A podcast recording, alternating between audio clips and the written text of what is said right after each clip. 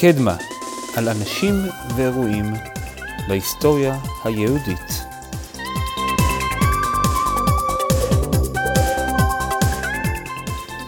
פרק שישי, רבי אברהם אבן עזרא. וברוכים הבאים לקדמה. אני נועם אשכולי. סרגוסה היא עיר הבירה של ארגון, בצפון ספרד. שמעתם שקוראים לכל האזור חצי האי האיברי? זה שעל שם נהר האברו. הוא השני באורכו בספרד, וסרגוסה נמצאת על גדותיו. סרגוסה נקראת על שם הקיסר הרומי אוגוסטוס, שייסד אותה. סיזר אוגוסטה, ובקיצור, סרגוסה. לא רחוק ממנה נמצאת העיר הקטנה טודלה. היום טודלה היא עיר די שולית וקטנה, בערך בגודל של אה, נתיבות, אבל במאה ה-12 היא הייתה אחת הערים המרכזיות ליהודים. רבי יהודה הלוי נולד בה. גם המקובל המפורסם אבר... אברהם אבולעפיה. הנושא המפורסם, בנימין מטודלה, גם הוא נולד שם. עליו נדבר בפרק הבא בעזרת השם. וגם רבי אברהם אבן עזרא. אברהם אבן עזרא, לאן נקרא לו גם אה, ראווה, נולד בשנת 1089, לתוך תקופה לא יציבה בתולדות ספרד. הנוצ... הנוצרים מנסים לכבוש מחדש את ספרד מידי המוסלמים, הרקונקיסטה. והמוסלמים, בהתמודדות איתם, קראו לעזרה, שבאה עם פלישת שבט המורביטון מצפון אפריקה בשנת 1090. והיהודים?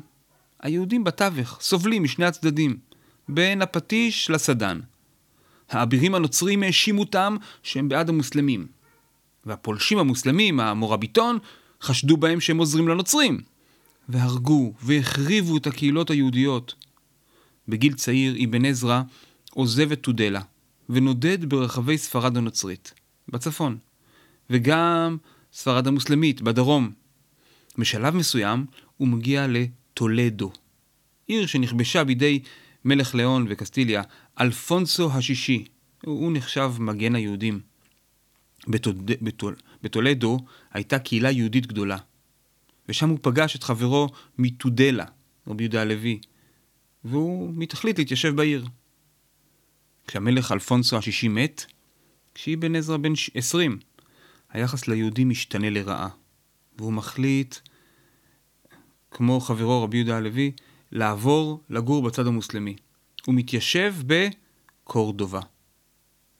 מה בדיוק הוא עשה בשלושים שנה הבאות, אנחנו לא בדיוק יודעים, אבל על פי שירים שהוא כתב בהמשך, לומדים שהוא יצא למסעות בקרב קהילות יהודיות בספרד, בצפון אפריקה. יש שטענו שבנו היחיד יצחק יצא לכיוון ארץ ישראל והתאסלם, ורבי אברהם מבן עזרא יצא להחזיר אותו. אבל אין לזה ממש תימוכים היסטוריים. בשלב הזה של חייו הוא לא כתב, או בכל אופן לא נשאר משהו שהוא כתב, אבל כנראה הוא למד, והרבה, כל דבר שיכל, מכל מקום שהגיע אליו. המצב בספרד מתדרדר משמעותית כשאבן עזר בן 50, בשנת 1140, אה, עם פלישת שבט אחר מצפון אפריקה, אל מוחאוידון, המייחדים. שהיו מוסלמים, קנאים ואכזריים, וראו אפילו במורביטון כופרים. מבחינתם, האפשרויות שיש ליהודים הן מאוד פשוטות. או להתאסלם, או למות. עם תחילת הקרבות, אבן עזרא מחליט לברוח, והוא יוצא לאיטליה. גם חברו, רבי יהודה הלוי, עוזב את ספרד באותה שנה, אבל הוא לכיוון ארץ ישראל. החיים היהודיים תחת שלטון המוסלמים נגמרים. וקהילות שלמות נטבחות ונחרבות. כשאבן עזרא ישמע על חורבן הקהילות, הוא יכתוב את השיר הבא: אהה ירד עלי ספרד, רע מן השמיים, וקרא זר וגוי אכזר, דת אל הנאמנה. ועל אצילים ואם חללים ובניהם בשביה, ובנות ומעדנות נמסרו לדת נוכריה, ושם ושם חכמים וגם עצומים מתו ברעב וצייה. אבן עזרא מתיישב ברומא. פליט, עני, ללא רכוש גשמי, אבל מלא וגדוש בתורה, במדעים, בשירה, בחוכמת ספרד. הוא מנסה להתקרב למנהיגי הקהילה ברומא. הוא מבקש עזרה כלכלית. אך המזל, כמו שהוא מגדיר את זה, לא האיר לו פניו. הוא נשאר עני מרוד. אבל הוא מתמודד עם זה גם עם קצת הומור וציניות. תקשיבו לשיר הבא. אשכים לבית השר, אומרים כבר רכב. אבוא לעת ערב, אומרים כבר שכב. אויה למרכב, אויה למשכב. אויה לאיש עני, נולד בלי כוכב. שמתם לב לשיר, לשורה האחרונה? מבחינתו, לכוכבים בהחלט יש משמעות לחוסר המזל שלו. אתם חושבים שזה סתם ביטוי בשביל חרוז? עוד שיר לדוגמה. גלגל ומזלות במעמדם נטו במהלכם למולדתי. לו יהיה נרות סחורתי, לא יאסוף שמשי עד מותי. אגע להצליח ולא אוכל, כי עיוותוני כוכבי שמי. לו יהיה סוחר בתכריכין, לא יגבעו אישים בכל ימיי. הבנתם? כל כך אין לו מזל, שאם הוא ימכור נרות ופנסים, השמש לא תשקע לעולם. ואם הוא ימכור תכריכים, אף אחד לא ימות.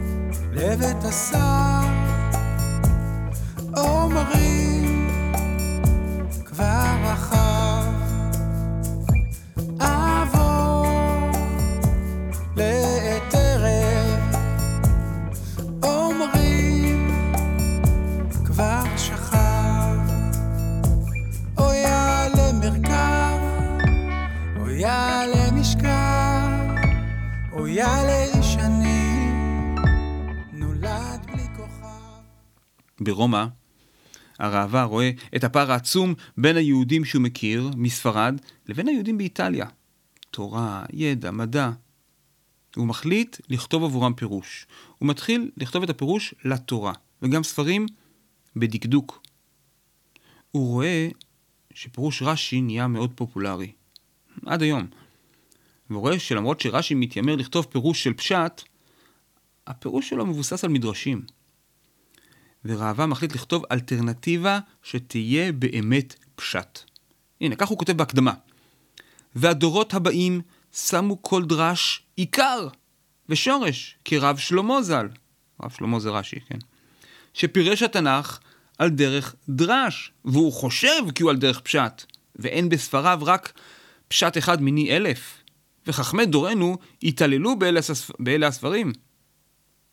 אז הוא מחליט לכתוב אלטרנטיבה. תקשיבו לחרוז הפתיחה של הפירוש, לתורה. זה ספר הישר, לאברהם השר, ובעבותות הדקדוק נקשר, ובעיני הדעת יחשר, וכל תומכיו מאושר. לא סתם הוא קורא לפירוש שלו ספר הישר. מבחינתו, פירוש צריך לעמוד במבחן כפול. מבחן דקדוק ומבחן סבירות הגיונית של הדברים. פרשנות המקרא של אבן עזרא מעוגנת בידיעה שמה שכתוב בתורה לא סותר את ההיגיון, וגם לא סותר אף פסוק אחר בתורה. הוא מקבל את סמכות מדרשי ההלכה של חז"ל, כפרשנות מחייבת להלכות שבתורה, אבל הוא לא רואה במדרשי אגדה פירושים מחייבים. לפעמים הגבול הוא דק, ופירוש אבן עזרא זכה לביקורות לאורך הדורות. רבי אברהם אבן עזרא הוא הרבה דברים, אבל הוא לא חכם תלמודי. הוא לא התפרסם כאיש ההלכה. בספרד נוצר מודל ייחודי של חכם ורב יהודי שעיקר עיסוקו בתורה, במקרא, ולא בתלמוד. זה מודל שלא המשיך הלאה. אבן עזרא גם מגלה גישה נועזת לגבי מי כתב את ספרי התנ"ך, וזמן הכתיבה של, של התנ"ך, בגישה שלא תואמת את המדרשים. יש חוקרים מודרניים שניסו להדביק לו תדמית של חדשן קיצוני, אבל אבן עזרא היה תלמיד חכם, נאמן להלכה ולמסורת, ולא סותר לכך, בעל חשיבה עצמאית. כמו שהוא מעיד בהקדמה לתורה, ומהשם לבדו יירא, ולא אשא פנים בתורה. ההיצמדות שלו לפשט, היא הייתה החידוש שלו. הוא לא חשש מאיש, ובלשונו החריפה העביר ביקורת על כל פירוש שלא הסכים לו. מוצאים אצלו ביטויים כמו וזה הפירוש טפל, וזה הפירוש חסר לב, אין להם בינה בדקדוק, כל דברי, דבריהם רוח, זה הטעם בלי טעם, זה הפירוש שיגעון. אבל, אבל הוא יודע גם לשבח פירוש שנראה בעיניו נכון. יפה פירש, יפה אמר. הרמב"ם, שנולד 50 שנה אחריו, כותב לבנו כך: ואתה, בני הנאמן לי, אני מצווה לך שלא תעיין בפירושים וחיבורים, אלא בפירושי הראווה. בחיבוריו ופירושיו תעיין כי הם טובים מאוד, ומעולים לכל מי שיקרא בהם, בהסתכלות יפה ובשכל זך ורעיון דק, וככל שתקרא מהסבריו מרמזיו אשר דבר בהם, עיין בהם עיון יפה. כי החכם הזה הנזכר לא היה מתפחד משום אדם, ולא היה נושא פנים לשום בריאה. במאה ה-18, רבי יעקב עמדין, הוא ראוי לפרק משלו, כל כך התנגד לאבן עזרא, עד שהוא יטעון שהאיגרת הזאת של הרמב"ם מזויפת. אבל היום הרבה כן מקבלים שאכן הרמב"ם כתב את האיגרת. אלי תשוקתי בכך אשקי באהבתי עזרא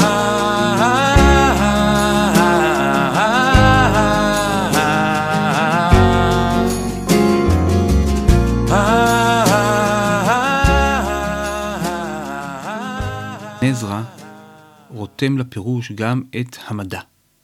תקשיבו לפירוש לבריאת העולם לגבי בריאת המאורות. נקראו השניים גדולים כנגד הכוכבים. ואם ישאל השואל, הלא אמרו חכמי הספירות שכוכב צדק וכל הכוכבים, חוץ מכוכב ונוגה, גדולים מהלבנה, ואיך כתוב המאורות הגדולים? התשובה, אין פירוש הגדולים על מידתם בגופם, רק על אורם, ואור הלבנה כפלי כפליים. בעבור הייתה קרובה לארץ, וכן כתוב מאור. כלומר, ברור לאבן עזרא שכוכבי הלכת גדולים משמעותית מהירח. וכשהתורה אומרת על הירח מאורות גדולים, הכוונה היא לאור שהוא מחזיר. אבן עזרא רותם לפירוש אפילו את האסטרולוגיה. אתם בטח מרימים גבה. איך רב וחכם ואיש מדע מתייחס כל כך ברצינות לאסטרולוגיה? אז אם אתם מתייחסים למדע בתור אמת מוחלטת וקבועה, כדאי שתשקלו זאת שוב. בכל תקופה מופיעים כללים חדשים, שלפעמים סותרים את אלו שלפניהם. המדע תמיד מנסה להתעדכן לפי ההתקדמות של המחקר המדעי בכל דור. אריסטו למשל האמין שאבל, אבן תיפול למטה ואדי מים יעלו למעלה כי כל דבר שואף למקומו הטבעי. זה היה המדע הנכון במשך יותר מאלף שנים. התיאוריה שתלמי, שכדור הארץ במרכז היקום, החזיקה 1,500 שנים. ועד לפני קצת יותר מ-100 שנה עוד האמינו שיש דבר שנקרא אתר, שממלא את כל החלל. מעניין מה יגידו עוד כמה שנים על תיאוריות חד... מעניינות לתקופתנו, כמו חומר אפל וריבוי יקומים. בכל אופן, אז אסטרולוגיה הייתה מדע רציני מאוד, וכמעט לא היה איש מדע שחלק עליה. האסטרולוגיה דרשה ידע אסטרונומי נרחב, וגם יכולת מתמטית גבוהה. כדי לבנות מפה אסטרולוגית, צריך למצוא את מקום, שבע, מקום של שבעה גרמי שמיים, כפי שהיו שנים אחורה. וזה עם כל מיני תנועות ספירליות מסובכות, לפני שבנו מודל שהשמש באמצע. ויש גם חלק יצירתי של פרשנות למפה האסטרולוגית.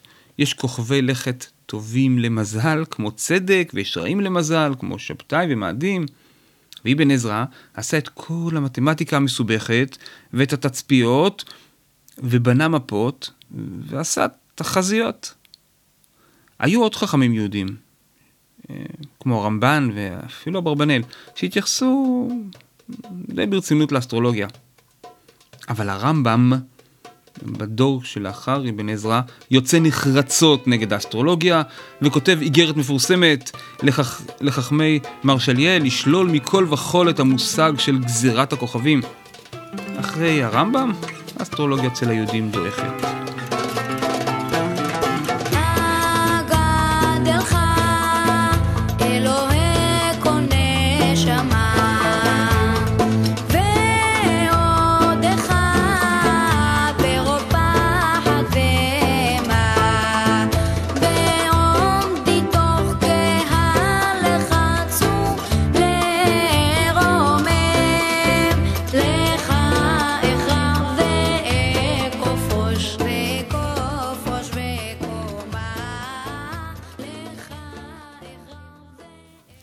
כנראה הבדלי התרבות בין אנשי רומא לבין החכם שמגיע מספרד הגיעו לסף שבירה.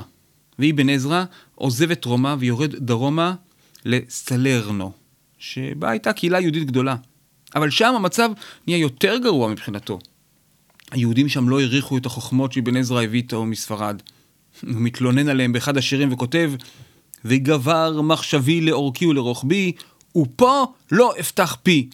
שדי דעת צומקים. כלומר, הוא, מעניש אותם, את uh, תושבי סלרנו, שלא יהיו ספרים שלו שיהיה כתוב עליהם שנכתבו בסלרנו. משם הוא עובר צפונה ללוקה בטוסקנה, לא רחוק מפיזה.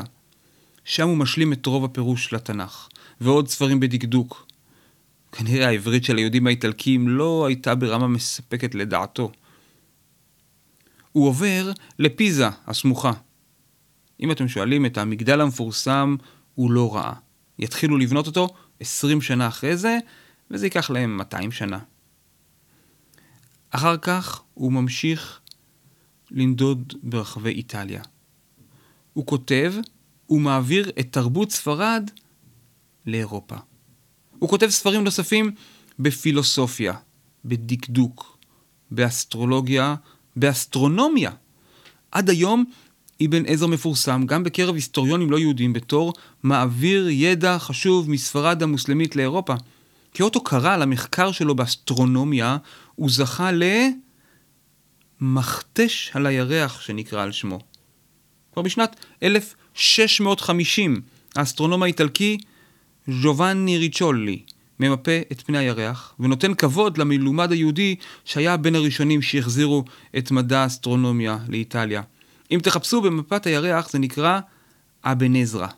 שמתי מפה בדף של הפרק באתר. דרך אגב, יש עוד שני מכתשים על שם אסטרונומים יהודים. מכתש רבי לוי, על שם הרלב"ג, רבי לוי בן גרשום, מהמאה ה-13, שהיה חוץ ממפרש מקרא גם אסטרונום, מתמטיקאי, מהנדס, ממציא. וגם מכתש זכות, על שם רבי אברהם זכות, מהמאה ה-15, שהיה האסטרונום המלכותי של פורטוגל, והתפרסם בלוחות אסטרונומיים שהכין, ועזרו לספנים הספרדים והפורטוגלים במסעות לגילויי העולם. נחזור למאה ה-12 ולאבן עזרא. לא היה לאבן עזרא קל באיטליה. הבדלי התרבות היו מאוד משמעותיים. תקשיבו לכמה שורות משיר בשם נדוד. דרך אגב, להקת המדרגות עם הסולן אילן דמארי והמפיק עוד דיין הלחינו אותו ב-2012 כחלק מאלבום שלם בשם הלב, הרוח והנשמה, שכולו משירי אבן עזרא. תחפשו נדוד ביוטיוב. נדוד הסיר אוני והבעיל רעיוני, ושם פיו ולשוני אסורים בזיקים. בכל מקום גרתי, ספרים חיברתי, וסודות ביארתי, וכרעי מוצקים. ועתה נפלתי, לעפר שפלתי, ותחנון הפלתי לאל ממעמקים. ובאדום, אדום זה כינוי לאיטליה, ובאדום אין הדר, לכל חכם הודר, באדמת בני קדר ועלינו שורקים.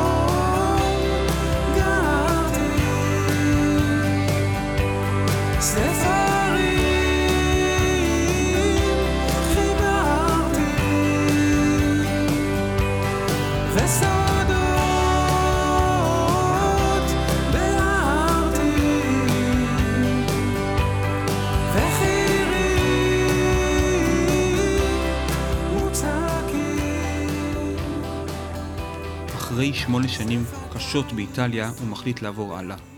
בודד, עני, חי מנדבות. נראה שהחיים הקשים השפיעו גם על עמדותיו. רגישותו לסבל של אחרים, וגם גישתו באופן כללי לכסף. דוגמה קטנה מהפירוש שלו לפסוק בתהילים ס"ב: אל תבטחו בעושק ובגזל, אל תבלו חיל, כי ענו ואל תסיתו לב. כותב אבן עזרא, והזכיר בעושק ובגזל, כי רוב ממון בני האדם יעשו על אחת מאלה הדרכים. כלומר, אם יש למישהו כסף, רוב הסיכויים שהוא צבר אותו לא בדרכים כשרות. הוא מתנגד לשלטון מול... אה, מלוכני. הוא מתנגד לתופעת העבדות. הוא בז לאושר חומרי. הוא קורא לצדק חברתי, לחלשים בחברה. כמו פירוש לקהלת י"א, שלא נתן לעשיר כי אם לעשות טוב לכל מצטרך אליו.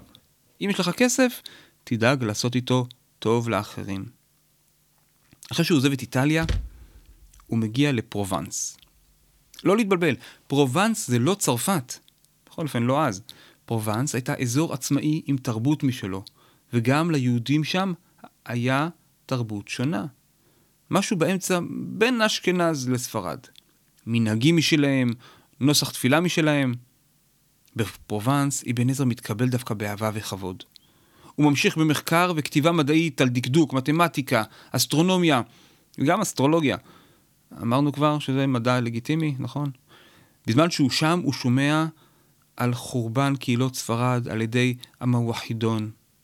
הוא שומע על טבח קהילות יהודיות באשכנז, כחלק ממסע הצלב השני. הוא שומע על עלילות דם באנגליה. האם השמועות הרעות גרמו לו חוסר מנוחה? אנחנו לא יודעים, אבל למרות שלכאורה הוא מגיע למקום נוח, הוא מחליט להמשיך לנדוד. הוא עולה צפונה לצרפת. הוא פוגש, כנראה, את רבנו תם, נכדו של רש"י, מחשובי בעלי התוספות. מפגש פסגה של גדול חכמי אשכנז עם איש האשכולות, החכם הספרדי הגדול. הם ממשיכים להתכתב. נותרה בידינו חליפת מכתבים עיתולית משהו ביניהם. רבנו תם, שהיה ללא ספק גדול הדור בגמרא ובהלכה, מתרשם מרבי אברהם. הוא מנסה את כוחו בתחום לא לא. שולח לרב... לאבן עזרא שירי ברכה שהוא כתב. אבן עזרא לא מאוד מתרשם מהניסיון ועונה לו בשיר. ומי הביא לצרפתי בבית שיר, ועבד זר מקום קודש ורמס? ולו שיר יעקב ימתק כמו מן, אני שמש, וחם שמשי ונמס. כלומר, במילים שלנו, חבל על המאמץ שלך, זה לא התחום שלך. רבנו תם עונה לו בשיר. אבי עזרי, יושיבהו סעיפיו אשר נתן ידידו בין אגפיו. אני עבד לאברהם, למקנה, ועקודה ואשתחווה לאפיו. שזו תשובה מפתיעה מרבנו תם, שמכירים את התקיפות שלו מול אחרים, וכאן הוא מבטל את עצמו כעבד. אבן עזרא עונה לו, ונותן חזרה לרבנו תם את הכבוד. הנכון אל אביר עם, אל ורועם להשפיל ראש במכתב אל בזוי עם, וחלילה למלאך האלוקים אשר ייכוד וישתחווה לבלעם. כלומר, בוא נעשה סדר, מי כאן מלאך האלוקים, ולעומתך אני בלעם. אבן עזרא גם כותב ספר לימוד במתמטיקה. ספר המספר. אנחנו רגילים לכתוב בשיטה העשרונית, שבו המקום של הספרה קובע אם היא מייצגת אחדות, עשרות, מאות, אבל כשאבן עזרא מסתובב באירופה, האירופאים עדיין משתמשים בספרות הרומיות. בשיטה שבה המספר הוא אוסף ארוך של אותיות לטיניות, x ל-10, v ל-5, מכירים. השיטה העשרונית שפותחה בהודו והשתכללה על ידי ערבים, עוד לא הגיעה עליהם. 50 שנה אחרי זה, פיבונאצ'י, האיטלקי, יפרסם את השיטה העשרונית באירופה. אבל ללא ספק אבן עזרא העביר את השיטה לאירופה לפניו. אבל אבן עזרא כתב את זה בעברית. עוד לא היו את הספרות שאנחנו משתמשים בהן היום, אז הוא לקח את האותיות א' עד ט' לייצג מספרים. כמה זה א' ועוד א'? ומה עם אפס? תקשיבו לתיאור שלו להמצאה הגאונית אפס. ואם אין לו מספר באחדים, ויש לו מספר במעלה השנית שהם עשרות, ישים כדמות גלגל, והוא צייר בספר שלו עיגול, בראשונה, להורות כי אין במעלה הראשונה מספר. וזה הגלגל, וטעמו כגלגל, כקש לפני רוח, ואינו אלא לשמור המעלות, ובלשון לעז שמו ספרה. כלומר, העיגול הזה בעיקר מיועד לשמור מקום. אפשר למצוא את הספר הזה באתר היברו בוקס. יש שם לוח כפל, חישובי שורשים ומספרים לא רציונליים, חילוק ארוך, אה, אלגברה, טורים, טורים חשבוניים. לא בדיוק בכתיבה המתמטיקה של ימינו, וגם לא כתיבה פורמלית, אבל רואים איך הוא התלהב מהגילוי והיופי של המתמטיקה. ואת הכל הוא כותב בעברית. חכמי ספרד כתבו מדע בעברית. ברשותכם אני אחזור על המשפט למקרה שמאזינים לנו מהאוניברסיטה העברית בירושלים. חכמי ספרד כתבו מדע בעברית. רבי אברהם אבן עזרא, המתמטיקאי, השכלתן, הפשטן הגדול, הוא גם משורר. משורר נודד, בעל לשון שנונה ומושחזת. הוא, הוא סיפק לנו דרך השירים גם לא מעט פרטים על חייו, על העוני, על הנדודים. הרבה ציניות, הרבה הומור. הוא גם ממציא שירי ויכוח, שבהם בעלי חיים, או איתני הטבע אה, דוממים, מתווכחים ביניהם. ויכוח בין האביב והחורף, הלחם והיין, יום השבת ושאר המועדים, האדם והחיות. הוא גם פייטן. תקשיבו איך הוא מתאר את צמאון הנפש והנשמה להתעלות ולדבקות רוחנית. צמאה נפשי לאלוהים לאל חי, ליבי ובשרי ירננו לאל חי.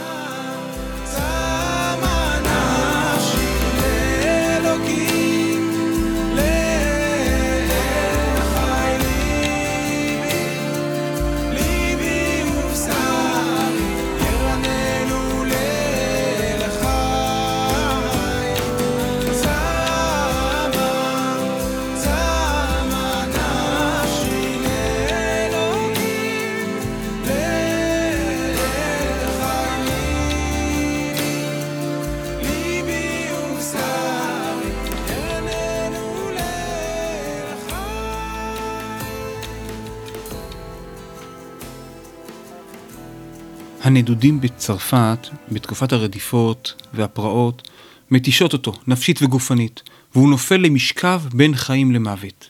הוא נודר שאם יתרפא, הוא יכתוב פירוש נוסף לתורה. ובאמת, באמת כשהוא קם מחוליו, הוא כותב את פירושו הארוך, שכולל הרחבות לפירוש הקצר וגם דברים חדשים.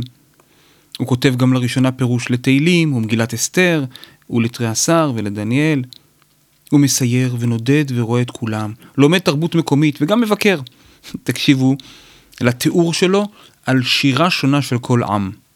הישמעאלים שיריהם באהבים ועגבים, והאדומים במלחמות ונקמות, והיוונים בחוכמות ומזימות, וההודים במשלים וחידות, והישראלים בשירות ותשבחות להשם צבאות.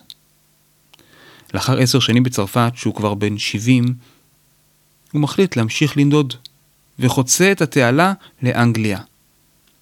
שם הוא כותב גם ספר הגות בשם יסוד מורה, שבין השאר כולל גם את טעמי המצוות. הספר מכיל גם הרהורים פילוסופיים, חידושים מתמטיים ופולינדרומים. משפטים שאפשר לקרוא אותם ישר או הפוך. אבן עזרא מאוד אהב פולינדרומים, הנה כמה מפורסמים שהוא חיבר. אבי אל חי שמך, למה מלך משיח לא יבוא? תנסו לקרוא את זה הפוך גם. או עוד אחד, דעו מאביכם כי לא בוש אבוש, שוב אשוב עליכם כי בא מועד. הוא גם חיבר פולינדרום דו-ממדי, שאפשר לקרוא אותו גם ישר וגם הפוך וגם מלמעלה וגם מלמטה. הוא כתב אותו כתשובה הלכתית על כשרות של דבש שנפל לתוכו חרק. פירשנו רעבתן שבדבש נתבער ונשרף. שמתי אותו באתר שתוכלו להתרשם. וגם הוא חיבר המוני חידות, קצת מזכירות חידות היגיון, עם חרוזים. יש חידות כל כך קשות שעדיין לא פתרו אותם. שמתי קישור לחידות מעניינות. הוא כותב באנגליה גם את איגרת השבת, שבה בלשון ציורית, השבת מזדעקת כנגד חכם שהיה בדורו, שניסה להגיד ששבת מתחילה בבוקר ולא בערב לפני. גם זמירות לשבת ששרים עד היום הוא מחבר. למשל, את כי אשמרה שבת, שמכיל אה, הלכות שבת בתוכו. כי אשמרה שבת, אל ישמרני, אותי לעולמי עד בינו וביני. אסור מצוא חפץ עשות דרכים, גם מלדבר בו דברי צרכים, דברי סחורה, אבל דברי מלכים, אהיה בתורת אל ותחכמני. כי אשמרה שבת אל ישמרני אותי לעולמי עד בינו וביני כי ישמר השבת אל ישמרני אותי לעולמי עד בינו וביני אסור מצוא חפץ לעשות דרכים. גם מלדבר בו דברי צרכים. דברי סחורה אף דברי מלכים אגן בתורתך שרבי אברהם אבן עזרא בן 75, התשישות והנדודים הכניעו אותו והוא נפטר. אה, לא יודעים בדיוק איפה ואיך, אבל כנראה הוא היה תוך כדי נדודים באנגליה, בודד וחסר קול. יש בגליל כפר בשם כבול, שבו יש קבר שמייחסים אותו אליו. אה, לא כל כך סביר. אחרים אמרו שהוא חזר לספרד או לצרפת, לא יודעים. בין מסמכיו נמצאה עדות בכתב ידו על סופו המתקרב, ואברהם, בן חמש ושבעים שנה, בצאתו מחרון אף השם. דמותו של רבי אברהם אבן עזרא הייתה ייחודית בכל צורה. היום אנחנו בתקופה של התמקצעות. כל אחד מתמחה בתחום צר. תנסו לשאול אה, רופא עיניים על כאב גרון. אבל בקרב חכמי ספרד זה היה הפוך. הם שאפו להרבות חוכמה וידע בכל תחום שיכלו. ולמרות המגמה הכללית, אבן עזרא בלט מעל כולם. הוא חיבר פיוטים ושירים שמושרים עד היום על ידי קהילות ישראל השונות. ולצידם ספרים מדעיים במתמטיקה, אסטרונומיה, אסטרולוגיה. הוא חיבר ספרים על פילוסופיה, על דקדוק, חידות, חידודי לשון. ומעל כולם החיבור שהקנה לו שם עולם, הפירוש המקיף למקרא. לא, שני, לא פירוש אחד, שניים, הקצר והארוך. פירושים שנלמדים עד היום. ואת כל החיבורים הוא כותב תוך כדי נדודים. ורק אחרי גיל 50. מי ששואל, אף פעם לא מאוחר מדי להתחיל. וכמו שהוא אמר, לא, לא היה מזל. אבל, אבל לנו, לנו היה מזל שהיה לנו אותו. ועד כאן להפעם. עוד פרטים, מקורות ואיורים תוכלו למצוא באתר הבית של הפודקאסט. יש לאתר כתובת שקל לזכור, קדמה.xyz. אפשר ורצוי להשאיר שם הערות והצעות. אם אתם שומעים אותנו בנסיעה דרך הטלפון, כדאי להשתמש באפליקציית פודקאסטים. הורידו בחנות האפליקציות. יש לאייפון אפליקציה מצוינת, ולאחרונה גם גוגל הוציאו אפליקציה טובה לאנדרואיד. בתוך האפליקציות חפשו את המילה קדמה באנגלית ויירשמו שם. בצורה כזאת, בכל פעם שיצא פרק חדש, הוא יוכל לרדת אוטומטית. אבל כמו תמיד, אפשר לשמוע גם ישירות באתר קדמה.xyz או בספוטיפיי. תודה שהאזנתם, מקווה שנהנתם. נשתמע בפרק הבא של קדמה.